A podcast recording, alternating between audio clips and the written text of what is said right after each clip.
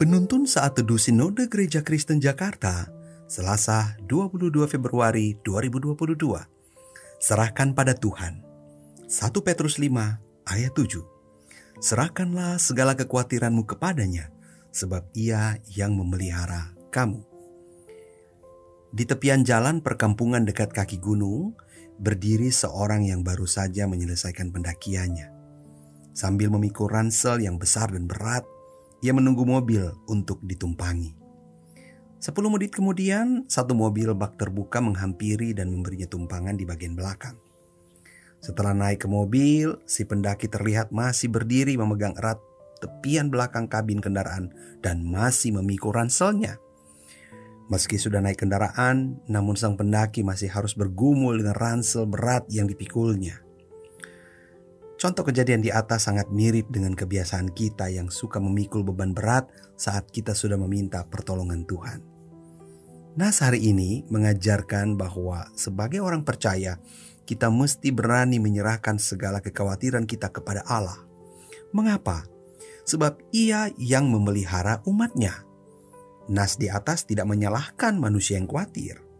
Khawatir merupakan salah satu tanda bahwa kita adalah manusia. Rasul Petrus mengingatkan orang percaya untuk menyerahkan kekhawatirannya kepada Tuhan.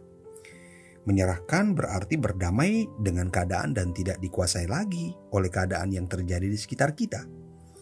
Saat kita sungguh-sungguh menyerahkan kekhawatiran kepada Tuhan, kita akan mulai melihat kesulitan hidup dengan cara yang berbeda. Pertama, kita akan menemukan bahwa Tuhan punya rencana dalam pergumulan dan kesulitan hidup. Kedua, kita menemukan bahwa pergumulan dan kesulitan tersebut tidak lebih besar dari Tuhan. Kita mulai memperoleh pengalaman baru bersama Tuhan. Perkataan Alkitab tentang Allah yang berdaulat itu menjadi nyata lewat pengalaman, pergumulan, dan kesulitan hidup kita. Melalui dua hal inilah kita menjadi lebih mampu memenangkan hari-hari yang penuh pergumulan dan kesulitan. Apa yang sering kita ucapkan dalam doa-doa kita? Mungkin ini, Tuhan berperkaralah dalam pergumulan dan kesulitan hidup kami.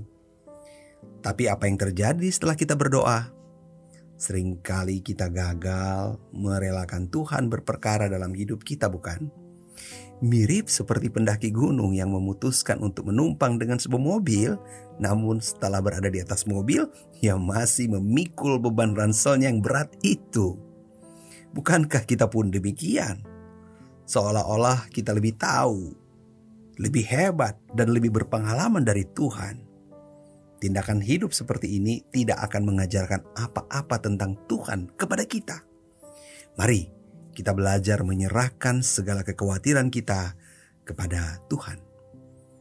Belajar menyerahkan segala kekhawatiran kita kepada Tuhan sama dengan belajar mengalami kuasa kebenaran firman Tuhan secara nyata di hidup ini.